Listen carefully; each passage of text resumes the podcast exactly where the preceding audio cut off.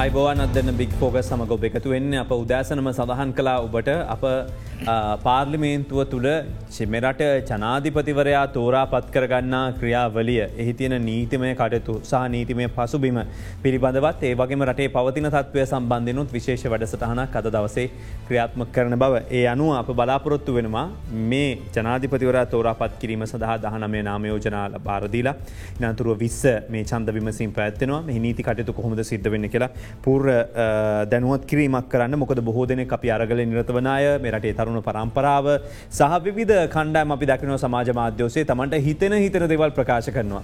නමුත් හිතන හිතන දේවල් හිව්වට මේ ක්‍රමය නත්තං වස්ථාපිත ක්‍රියා මිතය ක්‍රියාවලිය පැහැදිලිව දක්වල තිබෙනවා. මෙරටේ ජනාධිපතිවරෙක් නැතිවෙච්ච වෙලාවකද හිස්වෙච්ච වෙලාවකද පුරප්පාඩු වෙච්ච වෙලාවකද මියගේ අවස්ථාවකද කොහොමද ඒ ක්‍රියාවලිය කළ යුත්ත කියන එක. අපි අද දවස ආරාධනා කර සිටිය.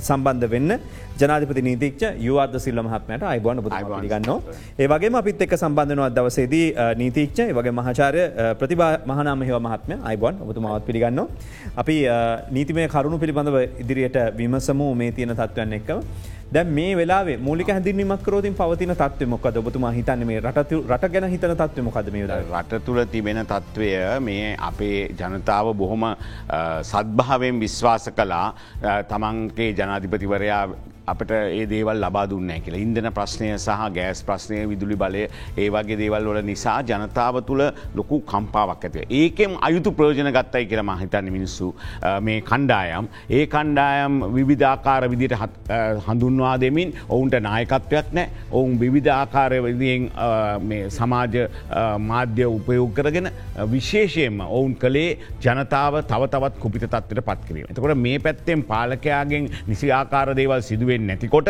අර මිනිස්සුන්ගේ තියෙන ඒ හැඟීම් ඇවිස්සිල බුරපුරා නගෙන කෝපය පිටකර ගැනීම තමයි මේ අවස්ථාවේදී නම්වෙන්ද දැක්කෙදේ. නම්වෙන්ද දක්ක දෙය වලක්වා ගන්න හැකියාව තිබුණා ශ්‍රී ලංකා නීති සංගමය මේ පැත් යම්තාවෙන් සානයක දම් ඉදිරියට ගිය නැත්ත. ඒක ඕන්ට වැඩිය ඒ අයට උදව් කරන්න නැත්තන් ඒ අයකර යන නීතික සංගමය මේකට මැදිහත් වන විදිහ පිළිබඳ චෝදනාවක් තියෙන චෝදනා කරනවා කියන එක මිනිස්සු කරයි නමුත් මිනිසුන්ට පැහැදිලි කළ දෙන්න. මෙතැදි නීත් සංගමේ යම් ක්‍රියාවලියක විනීත ප්‍රජාව වෙනුවෙන් කටයුතු කරමින් සිටිය. නමුත් ඒ අයගේ සමහර කණ්ඩායම් විසින් එහි බලය තියෙන සභාපතිතුමා ලවා මේ ප්‍රශ්නය උද්ගත උද්වේක කරීම සඳහා කටයුතු කලාදෝ කියන ප්‍රශ්නය මතුවෙන මොකොද ඒකට අපේ තියෙන යම්යම් තොරතුරු ලැබිච්චේවා ඉන්ටෙජන්ස් රිපෝට් කියනේවා. ඒවා ලැබුණට පස්සේ පොලිසිය ගිහිල්ල අධිකරණය මේකට ප්‍රතිකර්මයක් කිල්ලවා.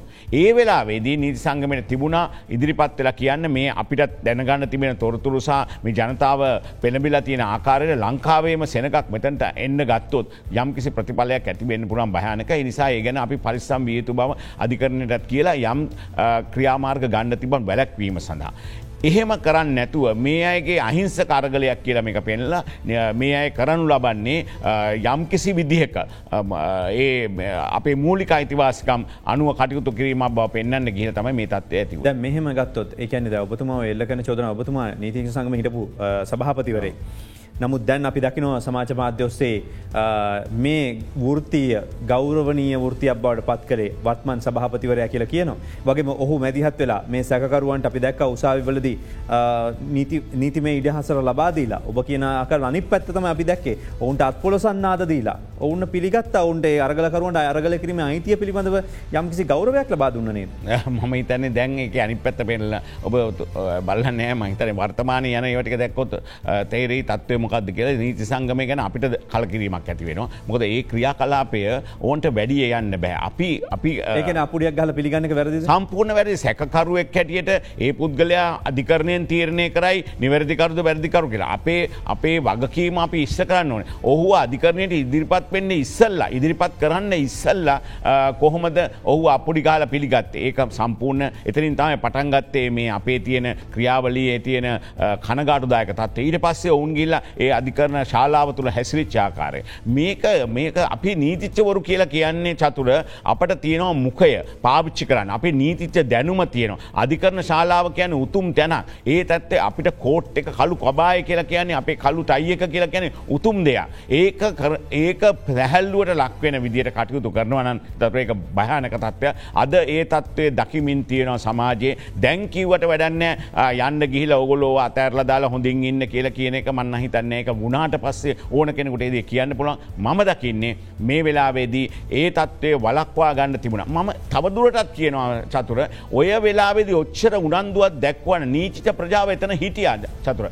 ඔය ඔය තොරතුරු දැනගන්න ඒගොලන්ට හැකියාව තිබුණා. ඒගොලන්ට මැදිහත් වෙලා මේ අභාගාතයන පිරිස යන්නේ කවරුහර කියන දෙයක් කරන්න. ඒ අයට නීති ප්‍රජාවට ඉස්සරහට ඇවිල කියන්න තිබුණ අපට ජනාධිපතිතුමා බලන්න ඕන. මේ වෙලා ජනාධිපතුමා ඉන්නවට අපි කැමතින අපට ඔය අවස්ථාව දෙන්න. එතකොට එහෙම පනි විඩල් ලැබුණ ජනාධිපතුමා ගිහිල්ලා ඉවර මේ අතැරල දාලා ගිහිල්ල කියලා. එතනින් පස්සේ අපි මේ ඇතුට කඩාගෙන යනකට වලක් වන්න තිබ සංගවට මැදිහත් වෙලා පැහැදිලිව එතන ඉඳගෙන කියන්න තිබ කවුරුත් එතන ඉදිරිපත් වෙලා තිබුණේ එතකොට එතන හිටිපු හමුදාවේ අය පොලිසි අය බලාගෙන හිටිය. නිකම් පේ අපිට හිතෙනවා අපේ අපේ නීතිය සාමය රකින්ට හිටිය ඒ විදිරි හැසුරුණේ ඇයි කියලා. පොලිසියට අන ලැබෙන් නහස පොලිසිට අන ලැබුණත් ක්‍රියාත්ම කිරීමට යම්කිසි බියක් ඇති වෙලා තිබෙන ඔබතුමාල්ලම කටයුතු කරපු ආකාරඇත්තක පොලිසේ මහතුරු කියන්නේ විශේෂෙන් අපිට නීතික්ෂ මහතුරුන්ට එරහිව කටයුතු කරන්න විදිහන්න අධිකරන යෝගයක් ලබාදීලන්න අපිට නිසි බලය ලබාදීල තියෙන කරන්න අවස්ථානු යෝචිත් අවස්ථානුකූලව පලේ පාවිච්චි කරන්න කියලා කිව් පමණින්. කවුදන්න අපියෝ බේරගන්න. සම්පූර්ණ ඇත්ත. සම් සම්පූර්ණ ඒකට උදාහරණ තිබුණා. චතුර අපිම අනවශ්‍ය ලෙස ඒකට අනවශ්‍ය ලෙස ප්‍රසිද්ධියත් දීලා පොලිසිය සහ හමුදාව කරන හැම දෙයක්ම විවේචනය කරන්න ගත්තාම එතර ගැටලුවක් ඇතිවෙන අපි නෙමේ පාලනය කරන්නේ. අපිට කතා කරන්න ලේසි. නමුත් අපි ඒ අදාළ නීතිමේ රාමුව තුළ ඉන්න කටයුතු කරන්න නැතුවන හම ඒකෙන් වෙන වියසනය බලන්න. ඔබතුමන් නිවැරදි කිව්වා වගේ චතුර ඒ ඒ නිල්ධාරින නියෝග ලැබෙන්නතු කරන්න බෑ. එතොට ඒ නියෝග ලැබුණත් ඔවුන් දෙසරයක් හිතනවා මෙතන්දි නීති සංගමය අපිට මොනහරි ප්‍රශ්නයක් ඇති කරයිද? මේ මියලු අයිතිවාස්කම් ගැන අපිට තේරුමක් නෑ අපි ඒ සම්බන්ධ කටයුතු කරන්න ගැටලුවක් ඇතිවේ. මෙන්න මේක තමයි භයනක තත්ව ඉති එනිසා අපි හැමතිස්සම රාමුව තුළ ඉන්න. රාමුවෙන් පිට ප්‍රශ්න විසඳගන්න සමහර නීති මහත්තුරු සහයෝගය දුන්න මේයට ඒක තමයි භයනකම්. නීති මහත්තුරු හැටියට ඒක කරන්න දෙන්න බෑ. ඒ අයි කරන්න හැදුවත් සත්තුර අපි ඉදිරිපත්වෙලා කියන්න ඕනේ එපා එක කරන්න. ඔබ අධිකරණයෙන් අපි ඒදේ කරලා දෙන්න ඔබ යන්න එපා ගේට්ටු කඩන්ඩ ගේට්ටුව කඩාගෙන යන්න එපා ඇතුළට දොරවල් කඩාගෙන යන්න එපා. ඒක ඔබ අයුතු ඇතුල්වීමක් හැටියට ඔබ අත්තරංගොට ගන්න මේ අරාභි වසන්තය මෙතන කරන්න හරි එන්න චතුර අපේ රටේ තියෙනවා නීතිමය ක්‍රමයක්. ඒ නිසා ඒකට ගියාට පස්සේ මොනදය කරම්? අද ගණනය කළ නොහැකි තරමට ගණනය කළ නොහැකි තරමට අලා බහනි කල තියෙනවනගේ ආයතනවලට මොකද තත්ත්වය වෙන්නේ? ඇතුර අනිවාරම දැන් මහචාර ප්‍රතිබමානාහම මත්මය දැන් මේ තියෙන තත්වයට ඔබතුමත් මේ මතේමද දරන්නේ නත්තාන මිට වෙනස් මතයද දරන්නේ ඇතිවෙච්ච සිද්ධිය ද ඇත්තටම මෙතන මටටිකක් වෙනස් මතයක් තියන එකට හේතුව තමයි දැන් දිගින් දිගටම ජනතාවගේ අප්‍රසාදයට ලක් වුණ. තොර ජනතාවගේ අප්‍රසාදයට ලක්වෙනකොට රජයක් හැටියට පාර්ලිමේන්තුවක් හැටියට කිසිම සහනයක් ජනතාවට දෙන්න බැරි වුණා. මෙතනද ඉංග්‍රීසි උගත් මධ්‍යම පන්තිය තනිකර ආව ඉදිරියට. ඇවිල්ල ඉල්ලුව අපිට මේ දේවල් දෙන්න කියලා. එතකොට මේ කියන අරගලය මේ දක්වා ගියේ යම්කිසි විදිකට ජනතා සහයත් එකේ අපිට නෑ කියල කියන්න බෑ. නමුත් මේගේ අවසානය කේදනීයයි. අන්න මට කියන්න තියෙන දේ තමයි අරගලයක් තුළින් බලාපොරොත්තු වෙන්න නම් අරගලයට නායකත්ව ඇත්ති ඉන්න ඕනේ. රටවල් බොහෝම අපි දැකල තින හෙම නායකත්වයක් තිබුණ. මෙතන නායකත්වයක් තිබෙන මේවා මෙහෙවේ කෞද කියනකේ විශාල ගැටලුවක් තියන. අන්න ඒ නිසා තමයි දැන් මේ කියන ආකාරයට මන්දිරවලට පැනලා ඒව කුඩු කරන්න නෙමේ තැ මූලික වශයෙන්ම ඒකම ඒ අරගල තින වෙනස මේ අරගල තියෙන වෙනසම ඒක තමයි. නිර්පාක්ෂිකයි පිරිස් නෑ පිරිස්සු සංවිධාන ගත වෙන ඒක ඒක තමයි අරගලකරෝ කිය ඒක තම මේ තින වෙනස නායකෝ නෑ කියන ඒක නෙමේ කරන්න තිබ්බේ. දෙදස් නමේදී මැයි මාසේ මැඩගස් කරේත් මේ වගේ සිද්ධියක් ඇති වුණ. ඒ සිද්ධිය ඇතුනාන ජනතාව විශාල ප්‍රමාණයක් ඉන්නවන පාර්ලිමේන්තු අතරන්න ඒගුලන්ට ඕන නායකෙක් දිවරුන්දිල වැඩකටයුතු කරගෙන යන්න තිබ විවස්ථාවෙන් එහා. නමුත් එච්චර ජනමතය තිබ්බාද කියලා ප්‍රශ්නයක් තියන දැම් මේ කියන පාර්ලිමේන්තුවට ඒ ජනමතය තියෙනවද? දැ පාර්ලිමේන්තු ඇතරම ජනතාව නියෝජනය කරනවද? මේ ප්‍රශ්නවලට උත්තර දෙන්න බැරිවුනාම ජනතාවටන ප්‍රකෝපය නවත්තන්න බෑ. මේක වෙන රටවලත් වෙලා තියනවා. නමුත් ප්‍රශ්නය වුණේ මෙතනදී සමහර වෙලාවට නීතිඥයන්ගේ යම් යම් ආකාරයට පෙළඹවීම නිසා පෙළපාලිවලින් ගිල්ල කිව්වා එන්න අපි ඕගලන් ආරක්ෂා කරනවා. මුළු ලංකාවේ සෑම දිස්ත්‍රික්කේම මේක ආරක්ෂා කරනවා කියල. එතකොට ජනතාව හිතුව හරි අපි මොනව කරත් ආරක්ෂා කරනවා. එහෙම නෙමේ නීත්‍යානුකූලව විවස්ථාවට අනුව යන්න තිබ අන්න ඒ වරද එතනදි කරගත්ත. දැනට වනත් තාම අපි පරක්ු නෑ විවස්ථාවත්තියන ලංකාව. විවස්ථාවනුව වැඩ කටයුතු කරන්න. ද මෙතනද වෙලා තියෙන ප්‍රශ්නයක නෙමේනි තාම ජනතාවට තෙල්පෝලින් තියෙනවනි. මේ බොරුණ දේශපාලක්ඥෝ කරන්නේ. දේශපාලක්ඥෝ බොරු කියනකොට ජනතාව කාවද පිළිගන්නේ? දැන් කියන මේ ඇප් එකක් දාලා තියෙනවා. මම එනකොට හැම තෙල් පෝලිමකම චන්ඩි වැටවෙලා පොරකන්නවා ගහගන්න කෝ නීතිය බලය කෝ කියන හමුදාව කෝ කියන පොලිසිය එක බේරගන්න ඕන. බේරගන්න ඔවුන්ට කන්ට්‍රෝල් කරන්න බෑම ඒ කන්ට්‍රෝල් කරන්න පුළුවන්. කන්ට්‍රෝල් කරන්න බැරිකමක් නෑ. අපි අපේ පැත්තිනුත් අපි දැනගන්න ඕන හික්මීම කියන එක මොකක්ද කියන එක. මොකද පොලිසිය මේක මගහරිනවා හමුදාව ආරාරිනවා මොකද නීතිඥෝ ඉන්න නීතිඥෝගෙන් අපිට තමයි ප්‍රශ්නයන්නේ අපි අපි කොහොමද මේ දේවල් කරන්න යන්නේ? එතකොට කියන අපි මූලික මිනිස් අයිතිවාසිකම් කඩ කරනවායි කියලා. අන්න එතර ප්‍රශ්නයක් තියනවා. ඒ තැනට යවන්න මේ කියන සියලුම දෙනා වෘතිය එකතු වෙලා සාකච්ඡා කරන්න. සාකච්ඡා කරන්න යන්න බෑ. දැන් මේ බොරු මේ ජනම ජනාධිපතිවරණයකට අපි පැටලිලා ඉන්නවනේ. මේ හතර දෙනාට එක්ක වෙලා බැරිද එක්කෙනෙක් පත් කරගෙන මේ සර්වපාක්ෂික ආණ්ඩුවක් ගහගෙන යන්න? මොකද්ද මේ බලලෝභය? ඔය ජන ඔය ජනාධිප මම මේක කියනවා. මට විනාඩියක් දෙන්න. දැන් ජනාධි විධායක ජනාධිපති එපෑනම් ඇයි තරඟ කරන්නේ.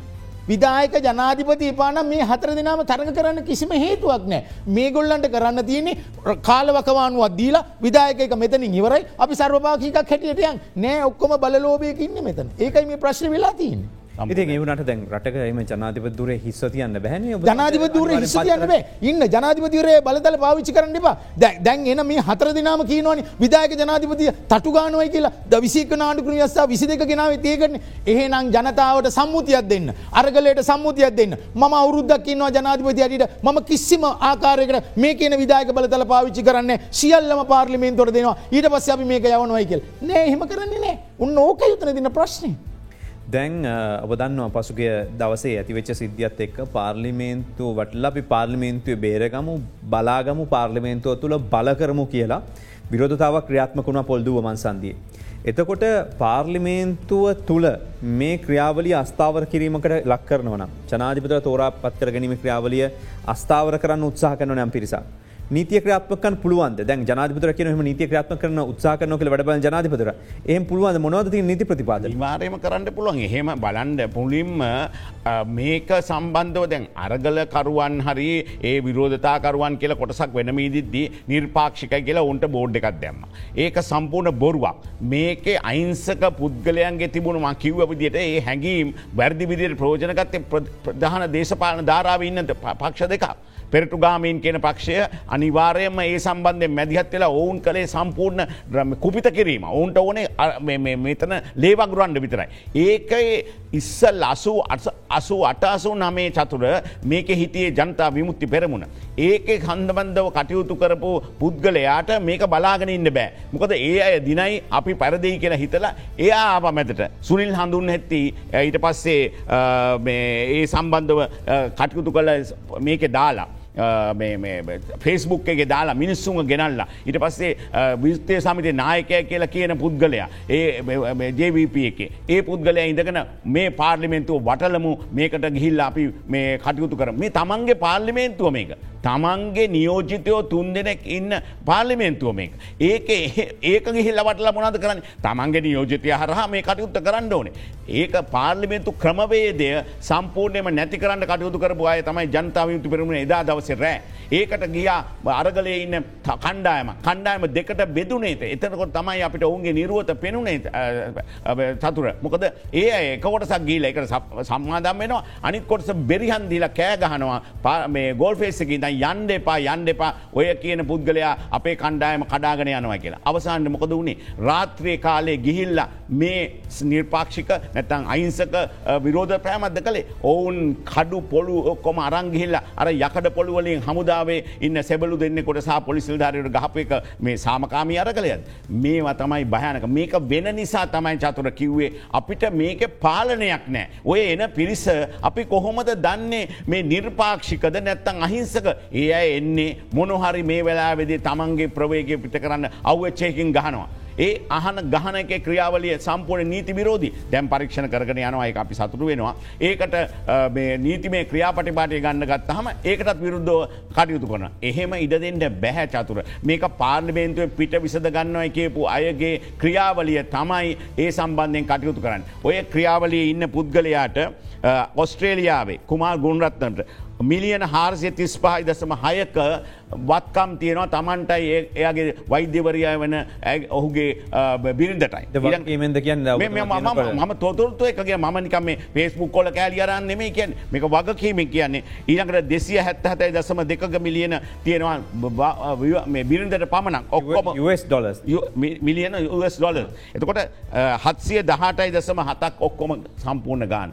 මේ තත්ත්වය මෙහෙම තියාගෙන එය ඇවිල්ලා අපේ අහිංසක මේ නිර්භ්‍යාජව ප්‍රශ්නවට මූුණ දෙලා තියෙන කට්ටයගෙන් චතුර ප්‍රෝජන ගන්න ඔවුන්ට බෑ පාර්ලිමෙන්තුවට යන්ඩ. ඒ නිසා ඔහු කල්පනා කරන්නේ මේක එලියදී මේ ප්‍රශ්න විසඳ ගණ්ඩ ඕනේ කෙනෙක තමයි. ඒක ඔවුන්ගේ කතාවේ හැම තැනකදීම කිව්වා. මේ වගේ වැඩසටහන්වලට ආවම ඔවුන්ට ඒක එලිදක්වන්න සිද්ධ වනා කියනක ම පැදිලිෝ කිය තන අදරාත්‍රය කුමාරගුණ රත්නම් තුන්සිය හට වැඩසටහන්ට නොය කියන. අපිට චෝදනාව අනිවාරය මහනබතුමා කියලාහන්න පුළුවන් අනිවාර මෙහම කියන මේ ඇත්තද එතකොට එයා මේ වෙන විට එනම් එක විරුද්ධව කරු දක්වන්න ඕන එහෙම කිසිම දෙයක් නැතුව ඔහු කියන්නේ අරගලය නැත පාර එලිය තියෙන එක තමයි නීතිය. එහෙම කියන්න පුළුවන්ද ඒ පුද්ගලයන්. ඒ පිළිබඳව ක්‍රියා කරන්න මේ වගේ උනන්දුවත් දක්වන නීති සංගමය මේකට කටයුතු කරන්න. එහෙ ඉන්න එක නීතිතබරෙක් කියනවා මේ තියෙන ව්‍යස්ථාව ගිනිතියන්න ඕනෙ කියලා. ඒතකොට ඒ කියවහම ඒ පුද්ගලයට පුළුවන්ද දිවරුන් දීලාවිල එහෙම කරන්න? නීති සංගමය ඒ ඒ වෙනුවෙන් කටයුතු කළේ මොකක්ද එක නීති සංගමන තිවත්කාන පුලන්තහ නැතුව ඔහුව ඔහුව සම්පෝර්ඩයම ඔහුට විරුද්ධව ක්‍රියා කරන්න ශ්‍රේෂ්ඨාධිකරන දැනුම් දෙත හැකි. ඕ කිසි බයක් නැතුව කියනවා. ඕ ගේල ඊට පස්සේ අධිකරනවල පෙනීන්න කොමද එම පෙනීන් නාගානන්දට වෙච්චද අපි දැක්කනේ. ඒතුම ඉන්න තාම? ඒ දත් මංහිතන්නේ උදේ පාන්තර කිල්ලවල නෙමේ කටයුතුක උගේ නීති වෘතිය නීතිත කබාය තාවකාලිකව අත්තිටෝල තියෙන්නේ. ඒ කාල තුළ ඔහුට සාමාන්‍ය පුරවැසිය කැඩියට ගිල්ල අධිකරණය කරුණ දක්වන්න පුළ එක තම අපේ රටේ තින නීතිය වත්නාකම් එකන සාමාන්‍ය පුද්ගලයකුටත් උසාවියක ඉදිරිපිටදී තමන්ට අවශ්‍ය නම් නීතිචවරු අවශ්‍ය වෙන්නේ තමන්ට අවශ්‍ය නම් කරුණුද කියන්න පුළ කරුණු අවසාහගෙන ඉදලා නීති අපේ ඒ අධිකරන ඒ අනුව ක්‍රියා කරනවා. ඇති ඒක නිසා ඒක ප්‍රෝජන අරගෙන හැමදාම ඇවිල්ලා ලයිව එකේ දේවල් කියන එක ඒවයි කිසිම පදනමත් තියෙනවද නැද්ද කිය කෙනෙක පිළිබඳ ගැටලුවක් මැතුවෙනවා හතුර. ඉති ඒ නිසා කරනවනං හරිදේ නීතියානුකූලෝ කරන්න ඕනේ නීති මේ රාමුවගෙන් තුර මේ රටේ පාලනයක් ගැන කතා කරනවනම් ඒ අය කරන්නේ ව්‍යස්ථාවට විරුද්ධ දෙයක් හැත්තා සමසය හැත්ත අටේ ව්‍යස්ථාව තාම තියෙනවා චතුර. ඒකෙන් බල පවත්වනවා කියලා කියනවා. ඒක මහජනතාව තමයි ඒක ඉහළම කියලා ගැන ඒ නිසා තමයි මහජනතාව මගින් සිය නියෝජිතයන් හරහා පාර්ලිමේන්තුව තුළින් හැත්තාට ව්‍යස්ථාව පැනවවේ ඒක ඒක නවත්තන්න මෙතුමකිවගේ කැමති වුණ නෑන එපා එපා කියලා කියලා හැම ජනාධිපතිවරයෙක්ම මේ අරගෙන ගියානිදිකටම අදටත් ඒව තත්ත්වය වලංගුයි.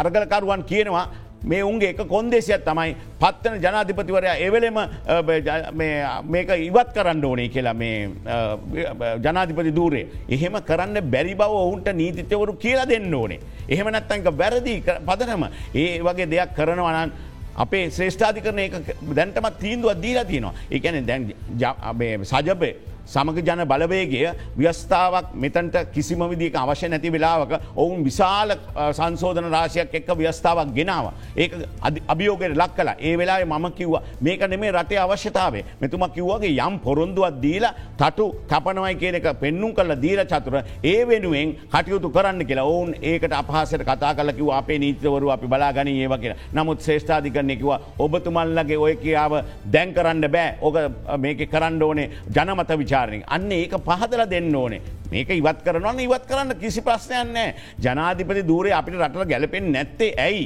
ඒවයි ඒක තියෙන බලපෑම් මොකක්ද එතකොට පලාත් සභාවට මොකද වෙන්නේ.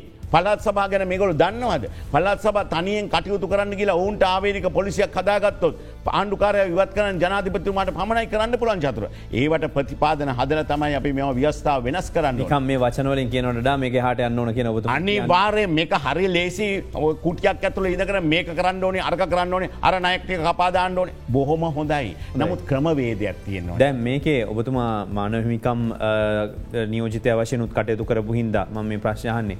දැන් එක්සත් ජාතින්ගේ සංවිධානයට බලපෑමක් කරන්න මැදිහත්වීමක් කරන්න අපේ රටට කියලා. යම් පාර්ශවයක් ඉල්ලූ බව ඒ පුවත්පත් වාර්තා කළ ආරගලකරුවන් නියෝජනයක අපේ රට මැදිහත්වෙන කියලා. ඒම මැදිහත්වීමක් කරන්න පුළුවන්ද. එම රටකට මැදිහත්වවෙන්න පුළුවන් වෙන්නේ මොනවගේ අවස්ථාවලද. ඇත්තටම ලංකාවේ ඔය කියන ආකාරයේ ප්‍රශ්නයක් ඇවිල්ල නෑ. ඒ හින්දා ලංකාවේ ඉන්නවා එක්සත් ජාතින්ගේ සංවිධානයේ නිත්‍ය නියෝජිතයා ඔහු ඉන්නවා බෞද්ධල්ලොක මාවත. ඔහුට පේනවා මේ යන දේවල්. ඒ හින්දා කෙනෙක් නිකම් පෙත්සමත් දැම්ම පැලියට ඉල්ලීමක් කළ පලියට කවදක්වත් එන්නේ නෑ. දැන් අපි දන්නවා එවැනි ඉල්ලීමක් කරන්න ඕනේ එක්සත් ජාතින්ගේ සංවිධානයේ තියෙනවා මානව හිමිකම් මහකොමසාරිස් කාර්යාලය. එතන නායිකාව තමයි මිෂෙල් බැච්ලේ මැතිනිය. එතකොට ඒ කියන ආකාරයේ ඉල්ලීම ඉටිකරාට පස්සේ ඒගොල්ලො සංවිධානාත්මකව බලනො මෙහි මෙහෙම දෙයක් වෙලා තිය නොදග. නෑ ලංකාවේ තාම ඔය කියන ආකාරයට ඔය කියන මියන්මාරය වගේ මිනිමරලනෑ. මියන්මාරය වගේ තත්ත්වයක් ඇතිවෙලා නෑ හදිසි අවස්ථාව පත් කලත් ඇත්තට මම කියන්න ඕනේ හදිසි අවස්ථාවපවා කඩාගෙන ජනතාව තමන්ගේ ඉල්ලීම් ඉදිරිපත් කරගෙන ආව. ඔය කියන ආකාරයට එක්සත් ජාතින්ගේ සංවිධානය කොහොමද මැදිහත් වෙන්නේ. අපි දන්නවා පොලිසිය පවා දැන් අයින් වෙලා තියන. හමුදාව පවා එදා මෙතුමා කිව්ව විදිහට ඔය නමවෙන්ඩ එහෙම මේ වෙඩි තැබීමක් තියෙනවන ඒ ආකාරයෙන් අත්තරංගෝට ගන්නවන විශාල ප්‍රමාණයකට ලේ වැගිරීමක් වෙනවා. එහෙම උනේ නෑ ඒ මුණනම් පුළුවන්කමත් තිබත් සාම අනිවාරෙන් එකන ජනාධ ජනාධිපතිවරය මේ අවස්ථාවේ ඔහු අන්තිම මොහොත වෙනකම හිටිය කියල රැදී සිටිය කියල වාර්තා වුණන. එතට ඒ අවස්ථාවනට ඔහුගෙන් අහනවා ගිල්ලා ආරක්ෂකංශ වැඩිතියන්න ද ආරක්ෂා කරන්න ජනාධපතුර විදිහට අපිට බලයෝන කෙරට ඔහු කියනවා නෑ වැඩිතියන්න පම යනවා කියලා. අදිසත් ඔහු අනික් තීරණය ගත්තන වැඩි තියන්න කෙලෙක්වන මැදිහත්වන පුළුවන්ද? පැහැදිලිවම ඕනෑම රටක විවස්ථාවෙන් එරටේ ජනාධිපතිවරයා ඉවත් කිරීමේ ක්‍රමවේදයක් තියනවා. ඒ ක්‍රමවේදය තමයි ජනාධිපතිවරණය හෝ මහමැතිවරණය. එහෙම නැතුව කඩාගෙන පැනලා මරන්න යනවන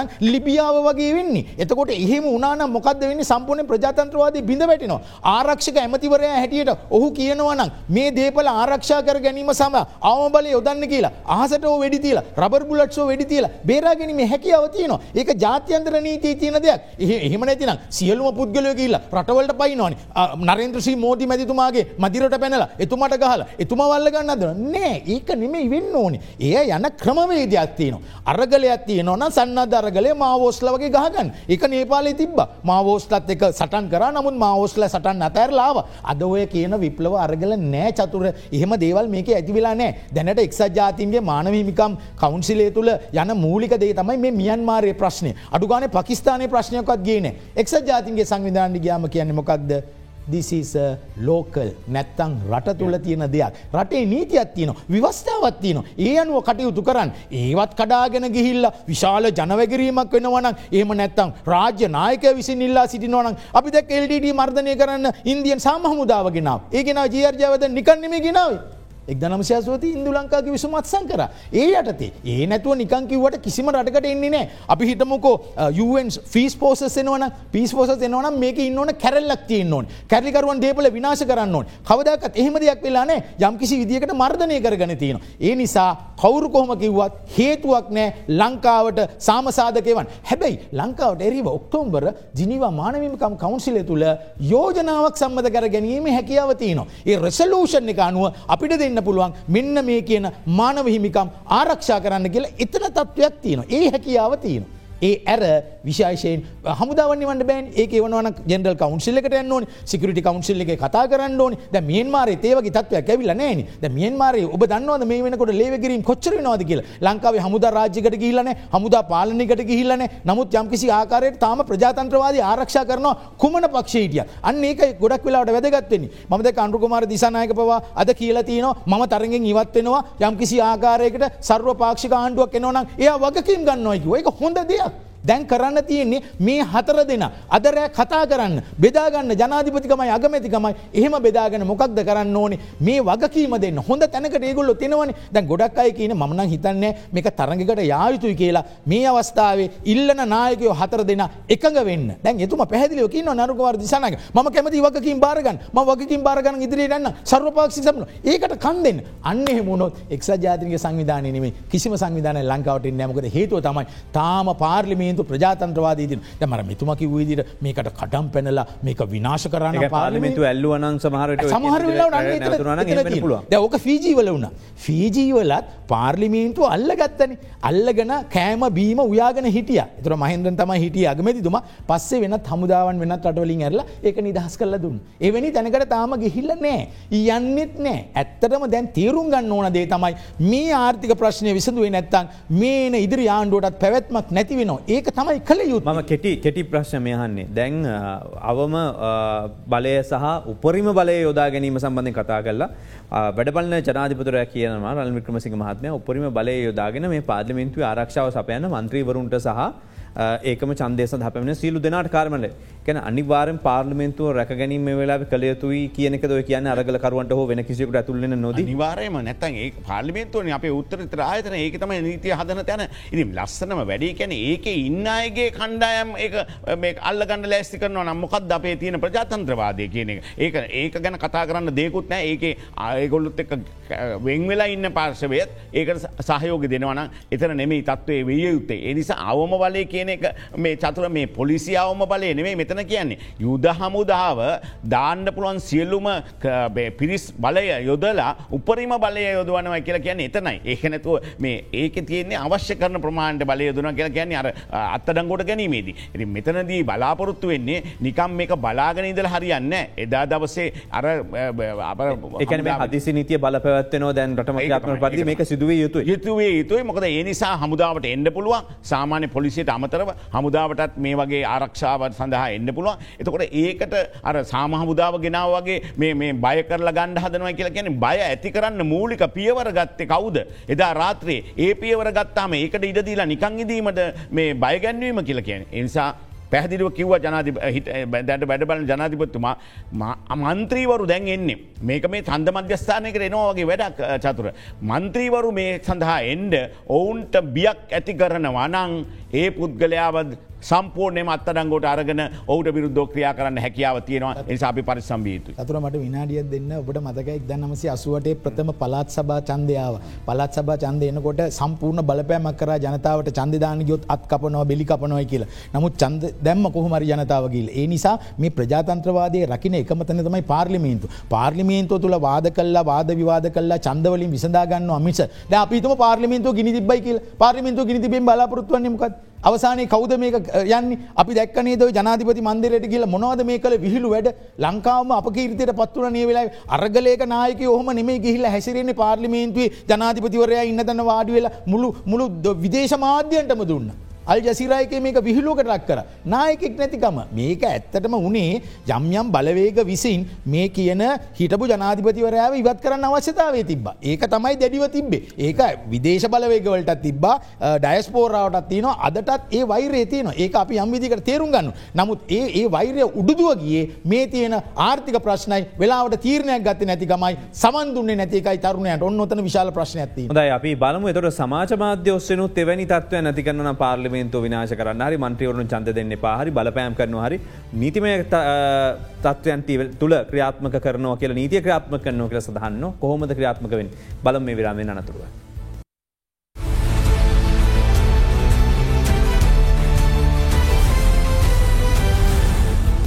ඔබ ඇලිත් අදරන බික්‍ෆෝගස් සමඟ අපි මේ වත්මන් වැඩබලන ජනාධිපතිවරයා විසින් ලබාදී තිබෙන නියෝග සහහිත් එකම නව ජනාධිපතිවරය කටට පත්කර ගැනීම උදෙසා වස්ථාපිත ක්‍රියාවලිය පිළිබඳව තමයි කතා කළේ. ඒහා මේ ඇතිව තිබෙන තත්ත්වය සහ මෙයින් අරාජික තත්වෙන් රට ගෙදිරට ගෙනයාම වැදගත්කම් පිළිබඳව. දැන් මේකෙද කොටසක් විදිර හඳුන් පුළන්ද අද උදෑසන පුවත්පත් පවා සඳහන් කන සමාජ මාධ්‍ය ඔස්සේ මේ ක්‍රියාවලිට බාධා කරන අයින්නුන ඒවත්තරන් ගොඩ ගන්න පුළුවන් කියලා.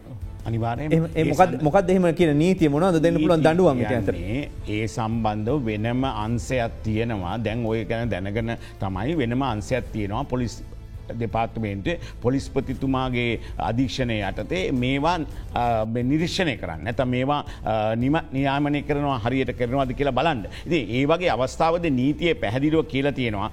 යම් කිසි කෙනෙක් අපේ රටේ ජනතාව අතර නීතිය කඩාහිරවන නීතිය නැති කරන්න නැතම් මිනිස්සු අතර ජාතින් අතර අසමගේ ඇති කරන්න ඒම නැතන් තමන්ගේ වැරදි ක්‍රියාවලට වර්දවල්ලට පොළඹවන්න දේවල් කරනවන්නං ඒක සමාජමාධ්‍ය හරා කරන අයව හඳුනාගන්න පුළුවන් කවුද එක පටන් ගන්න කියලා. ඒ තැනැත්තාව අත්තරංගොට ගන්නවා ඔහුට පිරුද්ධව ඒ නීතිමේ ක්‍රියාපන්කයට ගණඩ පුළුවන් ඒ වගේම මතත් කියගන්න ඕන මෙන මේක චතුර. ඒ වගේම තමන්ට කියන්න බෑ මම ඒ මටාපු එක යව්වයි කියලා. එහෙම කියන්න බෑ. පෝට් කරත් අවුලක් ගැන පෝට් කරච්චයා කළ ෝවට් කරන්න බැහැ අන්න එක ෆෝවට් කරන්න බෑ. ඒක කරනවනන් තමන්ට බලලයිවල තමන් අපි හැමේකටම ඕවගේ වෙනවා. ඒක තමන් බල්ල ඔන්න තමට දිලික්කන්න බ තම තියාගන්න එක වෙනමද ඒකෙන් හානියක් වෙන්න නමුත් මෙතනදි වෙන්නේ මොකක්ද මේක පතුරෝල හරිනවා. තමන් හැමෝටම ඒක රටවටේට යැව්වොත් එහෙම ඒක ලොකු අපරාධයකට මුල පිරීම ඒ නිසා ජනතාව කුපිට වුණොත් ඒයට විරුද්ධෝ ක්‍රියා කරන්න පුළුව මම ඕක තව පැත්තත් දකිනවා. භාෂණය හා ප්‍රකාශනය නිදහස මූලික මිනිස් අයිතිවාසිකම. නමුත් හැත්තටේ භාෂණය හා ප්‍රකාශනය නිදහස යටතේ අන්තර්ජාලයෙන් පවා ඕන විදිකට මැසේජ සරන්න පුළුවන් හැබැයි චතුර මේක අසීමිත අයිතියන්නෙමි. භාෂණය හා ප්‍රකාශනය නිදහස පවා සීමාවෙනවා. ඒ සීමාවන්වලට කිසිම කෙනෙකුට අපාස කරන්න බෑ ජාතිකාරක්ෂාව රාජ්‍යාරක්ෂාව ප්‍රජාතන්ත්‍රවාදය ආර්ථිකය මේ සියලුම කරුණු ගත්තාම මෙහෙම බලපෑමක් කරනවනං ඔහු විසින් කරන්නේ. තමාගේ භාෂණය හා ප්‍රකාශය නිදහස පාවිච්චි කරනවා නෙමේ එය පාවිච්චි කරමින් වෙනත් අයගේ මූලික මිනිස් අයිතිවාසිකම උල්ලංඝනය කරන එක. නම ඔබතුම කියන කෙද තැන්ව සාප්‍රාධ අපහස නීතිය සම්බන්ධයෙන් ලංකාවේ අවුලක් තියෙනවන. නෑ අපහස අපහසතට මේකන මේ අපහස කියපු හිද ම කියන්න. CCPR ඇක්ටක වෙනම තියෙනවා. ඒ සමාජ ජාතින් අතර ප්‍රශ්න ඇති කරන රටේ තියෙන දේවල් කළබවන්න කටයුතු කරනවන සහ ඉලෙක්ට්‍රොනික් මාධ්‍යය පිළිබඳ වෙනම පනත් තියෙනවා. ඉති ඒ සම්බන්ධ කට තියෙන නීති ඇති හොඳට කරන්න පුළුවන්. සතේ දෙදා සතේ සිවිල්ලා දේශපාලන අයිතිවාසිකම් පනත. ඒක තමයි මෙතුම කියෙන් දෙදා සතේ සිවිල්ලා දේශපාලන අයිතිවාසිකම් පනත අනුව අනිවාර්යෙන්ම මේ සම්බන්ධව ක්‍රියාමාර්ග ගන්න පුළුවන්. ඒක සාමාන්‍ය විදියට කරත් අන්තර්ජාලයෙන් කරත්. දැ මෙතන ප්‍රශ්න තියන හොස්ටින ලංකාවනේ හොස්ටින පුලන් ස්විට්සලන්ති එම නැත වෙනස්ටක අන්න එතනදි තමයි ඔය උදර්පන නීති අතේ මෙතනද ක්‍රියාත්ම කරන්නෙන් දැන් එක දිගට එවන්න පුළන් මැසේජස් චන්ද දීලා ඉන්ඩපා ගෙදර. චන්ද දීලා ඉන්ඩපා දැන් ඒක ප්‍රමෝට් කරනවයි කියලා කියන්නේ එයාට තියෙන මූලික අයිතියක් නැති කරන එක. අනිතක යාට පුළුවන් පාර්ලිමේන්තු වරප්‍රසාදහ බලතල පනත යටද පාර්ලිමේන්තු වැඩකටයුතු සම්බන්ධවෙන් ඒ හින්ද එයාට සම්පූර්ණ ආරක්ෂාව ලබාදිය යුතු එක පුද්ගලෙක් කොය හරිතනක කියනවනම් දැම් මෙයා හවලා පත්වනොත් මේ රට මෙම තත්වකට යන මේ ආගාදකට යන මේ හුනොත් මෙහම තත් ඒක එවැනි ද ප්‍රවර්ධනය කිරීමත් දරුවම් ලැබිය හැකි වරදක් වෙන උතරන්දේ එකන අපේක්ෂකට බලපෑමක් කිරීමගේ දෙයක් කළ? හෙමයි තමන්ගේ මතයන ප්‍රකාශ කරන ඒ නිසා චන්දේ දාන්න එපා. චන්දේ දාලා ආවොත් එලියට තමුන්ට දෙදේ බලාගන්න තමන් මේක කරන්න එපා මේ පුද්ගලයා හොරෙක්ක කියලා නම නාමිකව තමන්ගේ මතය ප්‍රකාශ කරන එක වෙනම දෙයක් නමුත් මෙතන කරන්න එහෙමනෙමේ නෙමේ. දාලා එන්නඩං එපා පුතෝ. එහෙම කියන තත්ත්වයක් එන ගැන බලපෑම තර්ජනයක්. ඒ නිසා එවැනි දෙයක් කරන්න හැකියාවන්න දැ මෙතන්දි ජනතාවට මේ මේ ප්‍රශ්න තියෙන්නේ. මේ ජනතාව හරහා ඉන්න නියෝජිතයන්ට පාලිමේන්තු නියෝජිත ඔවුන් යම් කිසි විදික එදා දවසට පැමිණිය නැත්තන් හරි ඔවුන් තමන්ගේ තියෙන ස්වාධීන මතය ප්‍රකාශ කරන්න නැතුව කටයුතු කොළොත් ඒක ලටට ලොකු වියසනයක්. ඉති මේ හදනි බලහත්කාරයෙන් මේ කරන්න. අනි අව රහස්චන්දය හස්චන්දය මේක රහස්චන්දයක්කින්ද කවුරුවක්කත් දන්න කාටද දුන්න කියන එක. පාර්ලිමේන්තු මහලේකම්වරය. යාගේ පරිපාලන ධාරින් දන්න ඇද. ඒ නිසා ජනතාවට උනත් ඇත්ත වශයෙන්ම මේ රහස්චන්දයක් වීම නිසා මෙහි ලොකු වටිනාකමත්තින කවරුත් කාටද චන්දය දුන්න කියලා දන්න හැබැයි සමහර වෙලාවට රහස්චන්දයක් වුණත් අපේ ඉන පාර්ලිමේන්තු මන්ත්‍රවරු දාලා පෙන්න්නයි මෙන්න ම මෙයාට දුන්න කියල. ඔන්න ඕකෙන් තමයි සම්පූර්ණයම ඔය පෙළබයි මැති කරන්නේ. නිසා පාර්ලිමේන්තුවන්න මන්ත්‍රීවරු පවා රහස්චන්දයක් කියන්නේ මොකක්ද කියන එක දැනගත යුතු සහ රහසේ තින වටිනාකම වටිනාකමත් දැනගන්න. අනිවාර ගන්න එතකොට දැන් රහසන්ද දැන් අපි දැනට තියන් තත්වයන අපි දන්නවා නියෝජිතය හතර දෙනෙක් ඉදිරිපත් වෙන බව සඳහන්ලා තිබෙනවා. තුර අපි දැන් මේ තියෙන තත්වය අනුව චන්ද එකසිය දහතුනක් ගන්න මෝනද මනතන් එදිනට පාර්ලිමිතු පැමිණි මන්ත්‍රයරුන්ගේ බහතර මොකක්ද ඒක පැහැදිලියෝම තියෙනවා හතලිහ එක විවස්ථාව තුළ. ඒ කාන්තර බහුතරයක්. රහස් චන්දයකින් ඒ කාන්තර බහුතරය. ඒද එකසිය දහතුන කියන්නේ වැරදි මතයක්. පැමිණ සිටින සංඛ්‍යාව තියෙනවන. ඒකෙන් සියට පණහෙන් පණහයි එකක් ගන්න ඕන. ඒ කියන්නේ අපි හිතම ඇත්තටම ඇවිල්ල ඉන්න දෙසියයි කියලා. ඒ දෙසීයෙන් ඒකාන්තර බෞතරයක් ගන්න ගැන එකසේ එකක් ගත්තෝතින් වැරදවා හිතන්ඩ ප මනාප ලකුණු කරන එක එද ඒකත් ඊළඟට වැදගත් වෙන එක්දස් නමසය අසුව එකේ ජනාධිපතිවරණ විශේෂ ප්‍රතිපාදන පනතයටන මේක තියෙන්නේ. දැම් මේ වෙනකොට ඇවිල්ල දහනම් වෙන්දා වෙනකොට අර තුන්වනි අදිරයට එන්න යන්නේ. එතකොට අපි හිතමක හතර දෙනෙ ඉදිරිපත් වෙනවයි කියලා. හතර දෙනෙ ඉදිරිපත් වෙනකොට ඒගොල්ලන්ට පුළුවන් දෙක තුන හතර කියෙන මනාපත් දෙන්න. ඊළඟට අඩුම ගත් එක්කෙන අයින් කල්ලා එයා දීල තියෙන මනාප අනිත්තයට වලංගු එකක් නම් ඒක සලකනවා මනාපයක් හැටිය. දැන් හතර දෙනා එනකොට පලවෙනි එකේද අපි හිතනවා වැඩි බහතරයක් ගන්න බැරි වෙනෝකල් පලවෙන. එතවට හතරවනියාගේ මනාප ගණන් කල්ලා දෙවන මනාපය ගණන් කල්ලා ඒක එකතු කරන්නේ ඇයි? එතකොට වැඩිගෙන මොකක්දික අපහැදිලි ජනතාවට මේ හතර අයින් කර කරනවා හතරයි මතෙන් නෙනෑන එයා ගිවර. එයා දීල තියෙනවනං දෙවැනි මනාපය මේ ඉන්න එක දෙක තුනින් එක්කෙනෙකුට ඒක වලංගු එකක් කියල තමයි සලකන්න. ඒක තමයි එතකොට අදාල කෙනට පැහැදිලියෝ. ඒකම හතරක් ගහන්ඩ දෙන්න. ඒ මනාප හතරක් ගහන්ඩ දෙනවා එතවට තමන්ගේ ගනාට තමා ගහල වෙලා දෙකත් දෙවිනි මනාපේ ගහන එක අර අන්තිම කනාගේ මේ වෙලා ඉවත් කරන කෙන ආටද ගහල තියන දෙවැනි මනාපේ දෙවනි එක්කන වෙනුවෙන්. ඉති ඒ ඒයාගේ චන්ද ටික දානවා මේ පසයට පනහ වෙනක. දැ මේක තියෙන අභ්‍යන්තර ක්‍රියාවලියේදී. දැන් සජවේ කියන සමග ජන බලවය කියන දෙවන මනාපයක් නෑ මාක් කරන්න එපා අපි එක්කෙනටයි දෙ එම උනෝවාම මොකක්ද මේක වෙන්න පුළුවන් දේ. ඒගැන මේක අභ්‍යන්තර අරමුණ මොකක් වෙන්න පුළුවන්ද සමහරට. අභ්‍යන්තර අරමුණ ගොඩක් වෙලාවට උත්සා කරන්නේ ඒගොල්ල තෝරාගත්ත ජය ග්‍රහකෙක් සඳහා මේ චන්ද පාවිච්චි කරන්න දෙකක් එන්න දෙන්න නැතුව තියාගැනීම. තියා ගන්න පුළුවන්. ඒක තමන්ගේ තියෙන අභිමතයනේ. ඒ තුනාට ඒකෙදින් ඒගොල්ලො සියට පනහ ලබාගත්තොත් ඒගොල්ලො එකක් ගහලා සියට පනහම ලබාගන ඒ තත්ව ලබාගන්න නමුත් ඒගොන්ට කරන්න බෑනි. මොකද ඒගොල්ලොම පිළිගන්න අපිට බහතරේ නෑ. තොර ඒගොලන්ගේ සංඛ්‍යාව සම්පූර්ණයෙන් ගැහුවත් එකක් තමන් එකනට පමණ ඒගොල එන්නේ නැහැ. ඒක තමයි බෙදන්ඩ කටයුතු කරන්න. දැ බෙදීමක් වැතර වෙනවා. එතන්දි තමයි දැවනි මනාපේ වැදගත්කම තියෙන කොට අර සම්පූර්ණයෙන්ම දෙවිනි මනාපේ ගහල තියන්නේ කාටද? ඒ පුද්ගලයා සියට පනා සම්පූර්ණ පිය පණහ එකයි. සම්පූර්ණ වුණොත් එයට තමයි බල ඔබකිව හතර දෙන කිල්ලන කියලා දෙන්නෙකුටන ඉල්ලන්න බෑ. මේ පාර්ලිමේන්තුවේ දෙන්නෙක් නුසුදුසුකම් වෙන එක්නෙක් තමයි දෙපාරක් හිටිය මහින්ද රාජපක්ෂ මැතිතුමා ජනාධිපති. අනිතක ජීවන් තොන්ඩමටත් බේ. අවුරුදු තිහට වඩ අඩු එතකට ඒ දෙන්න ඇර හට වඩ අඩු කෙනෙක් හිද මේ වස්සා වෙතනින් අපිට ඒ ඇර අනිත් ඕන කෙනෙකුට ඉල්ලන්න පුළන් ඔය හතර දෙන්නම සමාරලාට ඕන දෙසිකටුනත් ඉල්ලන්න පුල එක කිසිම කෙටලුවක් නෑ. ජනාධ මේ ඇතුල ඉන්න එන මේ ඉල්ලන්න චන් මත බොය එක කිව්වන් පස්සේ මට තියන දැම පැටලිල්ලක් තියන ඇතරම ගත්තෝතින් හතලිහයි හතලිස්සන වගන්තියයි තිස් දෙකේ එක දෙකයි එක් බලන්න. මොකද මෙතන කියනවා රනින්ට ආණ්ඩුකම වස්සාව හතලිස්සන වගන්තිය ක්‍රියාත්මකීම නිසා.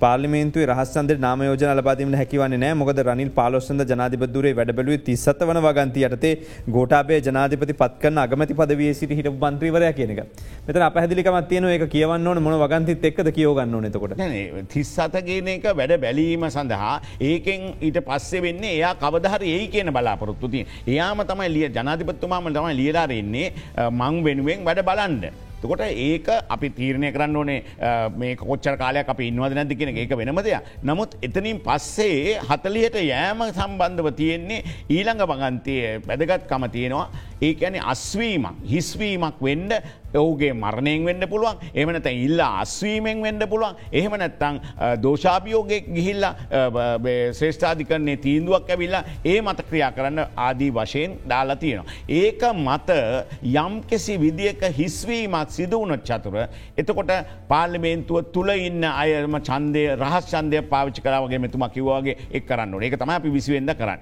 එතකොට එතන්දී මේ ඔබතුමා ඇහුවේ ප්‍රශ්නය වැදගත්දේ අර මුල් අවස්ථාවේ කියනවා ජනාධිපතිවරයා පත්වීම සම්බන්ධ තියෙනවනේ ප්‍රතිපාදනය ඒ කැනෙ මැතිවරණයකින් පත්වීම. මැතිවරණයකින් පත්වෙන අවස්ථාවේදී ජනාධිපතිවරයා ඒ මැතිවරණයෙන් පත්වුණු වහාම ඔහු යම් කිසි විදියකට හිටියොත් ඒ අවස්ථාවේදී පාර්ලිමේන්තුව මන්ත්‍රදූරයක් ඕගේ මන්ත්‍රදූරය අහෝසි වෙනවා. ඒ වගේ ඔහු යම් තන්තුරත් දැරුවනං ඒ තන්තුරත් අහෝසි වෙනවා. ඒක වෙනම දක්වල තියෙනවා. එතොට දැන් මේ ඒකැන දැන් වැඩබලන ජනාධිපතිවරයා බවට පත්වීමේදී. අගමැති කියන තනතුරේ පුරපාඩුවක් ඇතිවෙන්නේ නැද්ද. එතන හිඩසක් නැද තොට දැන් තොට අගමතින්න පුද්ගලයා වැඩබල ජනාධිපතිද කටයුතු කන්න මේ කාලවකවානුව තුර අගමති දුරය පත් කළ යුතු යන්නේ නැද්ද කවරු. ඒක ඒක ගැන හොඳම ප්‍රතිපල් ප්‍රතිපාදන තියෙනවා චතුර. ඒ කියන්නේ යම් අවස්ථාවකදී හිස්වීම සිදුවුණු වහාම ඒ නයින්ම හිතපු හිතපු අගමැතිවරයා ජනාධිපති දූරේ වැඩ බැලීම සඳහා යනවා. ඒ ගිය වහාම ඔබතුමන් නිවැරදිව හැව්ව වගේ ඒ අගමැති කන්තන්තුර සඳහා තමාගේ කැබිනට් මණ්ඩලේ ඉන්න කෙනෙක්ව අගමැති දූරය සඳහා තාවකාලිකව වැඩ බැලීමට පත් කරන්න පුළුවන්. ඒක තමයි කළ යුත්තේ. එතන්දි වනේ මොකක්ද දැන් මේක ඉක්මනින් සිදුවෙනින්ද දැන් අගමතිකොරෙක් අම්බන්ධ හිදල්සතියාගෙන අපි ගමන් කරන. ඒ වෙලාවේදී අගමැතිතුමා කිව්වා මේ පාර්ලිමේන්තෝද සාකච්ඡා කරලා ඒක අපිට නවට නමත් දෙන්නක ඒ නම දීගන්න බෑදෑන්. ඒ නිසා ප්‍රශ්නයක් මතු වෙලා තියෙනවා චතුර නමුත් ඒක සම්බන්ධව ඇත්තටම ප්‍රතිපාදනය කලානම් කැබිනට් මන්ලේ මන්ල ඉන්න මන්ත්‍රීවරයෙක් පත් කරන්න පුළන් වැඩ බලන අගමැ දැන් එතකොට ඔකරම ප්‍රායික උදාහරණයක් දෙන්න. ඔබතුමාට මතකයි හිටපු අග හිටපු ජනාධපති ආර්ප්‍රේම දස මැතුනා බෝම්බකින් මිය ගිය.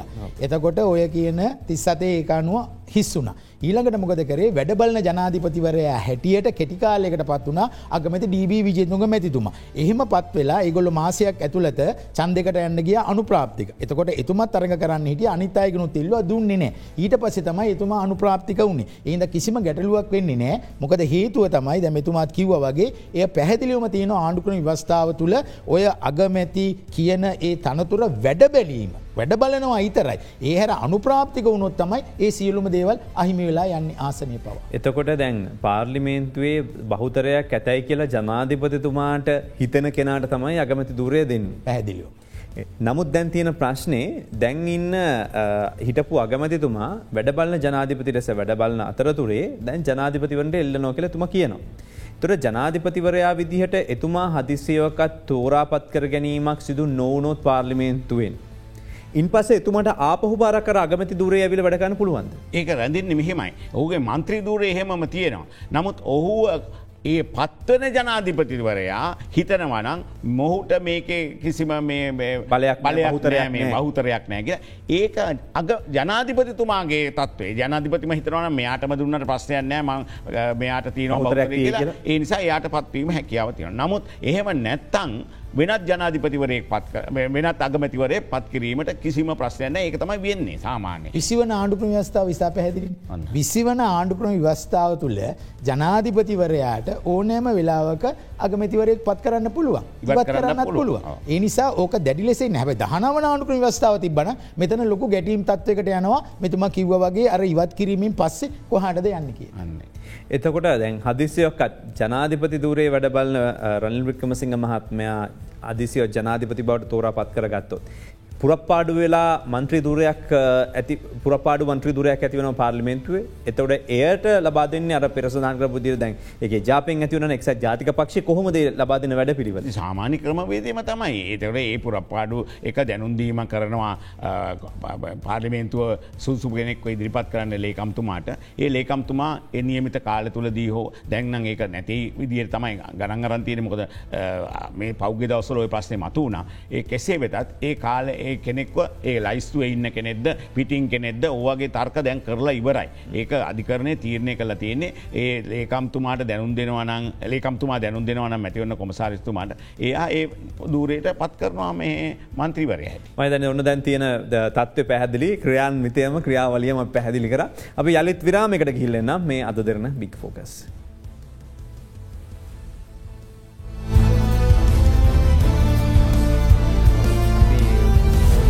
පැලිතත් දෙන්න බික් ෆෝගස් සමඟ අපි මේ පවතින තත්වය රට නීතිමේ තත්වයන් පිළිබඳ විග්‍රහයකය දෙන්නේ දැන් ජනාධිපතිවරය විසින් තමන්ගේ දුරය අත්හලෙන්න්න බෑකව අත්හල නොහැක්කේකොඩ අත් හැලියනි දැම් මේ පාර.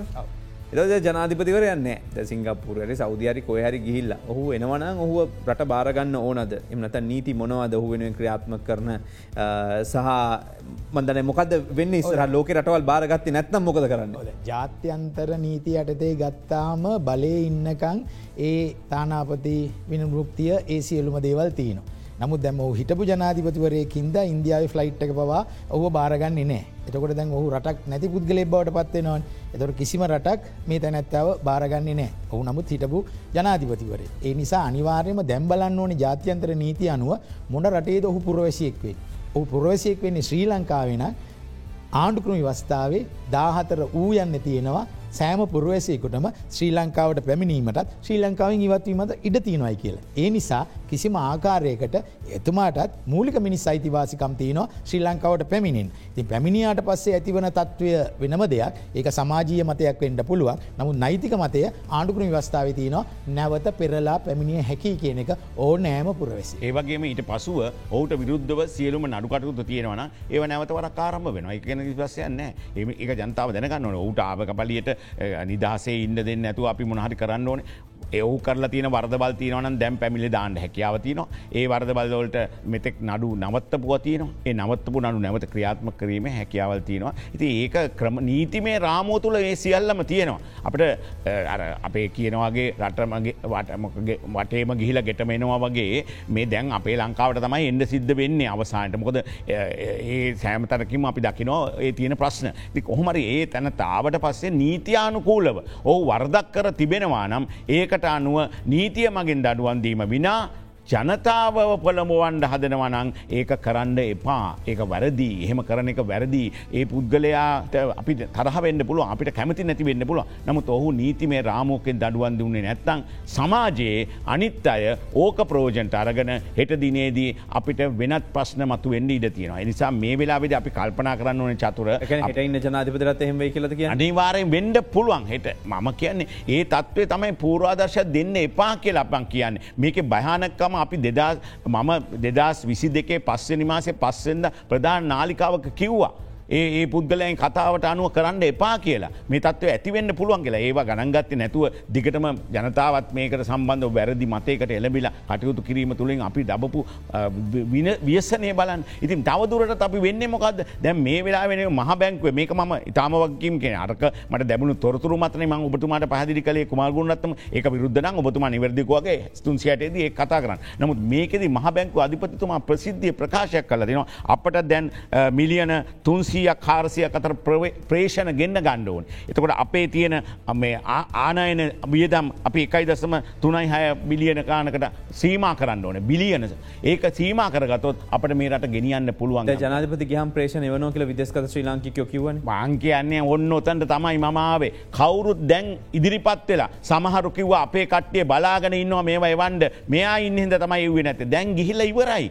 මම එනකම් ඉන්න ඕන කියරනෙමේ ප්‍රසිද්ධ ප්‍රකාශයක් කියරන අනේ අපේ ජනතාවන අපට උදව් කරනවා කියවන හැම තැනම. අපි කෑමට ගියත් අපිට වියදන් කරන්න ඒගොල්ලොකුව සූට් මහල දෙන්න ඒගොල්ලොකව පහපා මාර දෙනවායිකිව්ව ඒ අය විදේශ රටවල ඉන්නයට කියන්න බැරියයි මේ ප්‍රේෂණ ටික පුළුවන් තරන් එවන්ඩ අපිට. මේ වෙලාවෙදී මේකෙන් ගොඩෙන්න්න අපේ රට මේක කියලා. ඒවගේම අපි ආනයනය කරන දේවල් සීමා කර ගමු කියන පනිවිඩේ ඔවුන් කවදක් කරන්න ඇන මේ මේක පාර්ලිමේන්තුව රැස්සුනාද ගහගත්තා බැනගත්තා ඔවුන් අතර බලයට පොරකෑමක් පමණ ඉති ඒක නෙමේ විය යුත්තේ. මහිතනවා ඔය අරගලේ ඉන්න නිර්ත වෙලා ඉන්නට මේ වෙලා ප්‍රසිද්ධිය ප්‍රකාශ කරන්න පුළුවන් තමන්ගේ රට තමන්ට සහයෝගය දැක්වුව ඒ පිටට ඉන්න ජනතාවට කරුණා කල දැන් ඔය තමන්ල අපි බලාපොරොත්තු තත්වය ඉවරයි.